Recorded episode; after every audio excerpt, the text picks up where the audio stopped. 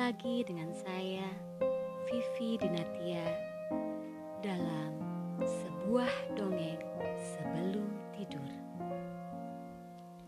Kali ini saya akan membawakan sebuah flash fiction berjudul Kerudung Biru Ibu. Kerudung pertama ibu adalah kerudung biru. Selain tanda keinsyafan, Pilihan itu ia ambil sebagai penghormatan atas jejak kesantrian keluarga besar ayah. Cara pasangnya belum tepat. Di beberapa sisi masih tampak titik kusut karena jarum pentul tak sesak betul disematkan. Lama-lama, kerudung itu bagai bersekutu dengan ibu.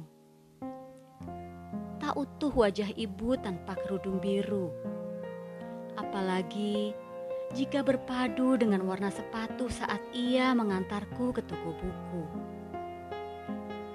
Saat usiaku genap 17, kerudung biru keluaran terbaru, basah peluh.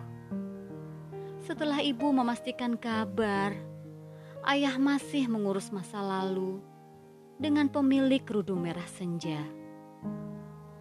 Mata ibu sembab lalu membiru lantaran ngilu. Pun mataku. Ayah menuding aku dan ibu bersekongkol mengucilkannya. Ibu pergi. Kerudung biru terlipat rapi di lemariku. Pakailah bila suka, kata ibu lewat pesan singkat. Ayah makin gencar membuat keriangan dengan pemilik kerudung merah senja agar tak menjadi penghuni rumah hantu itu, aku mencari keramaian sendiri. Belum berminat aku berkerudung biru, Bu. Mataku telah lebih biru karena rindu.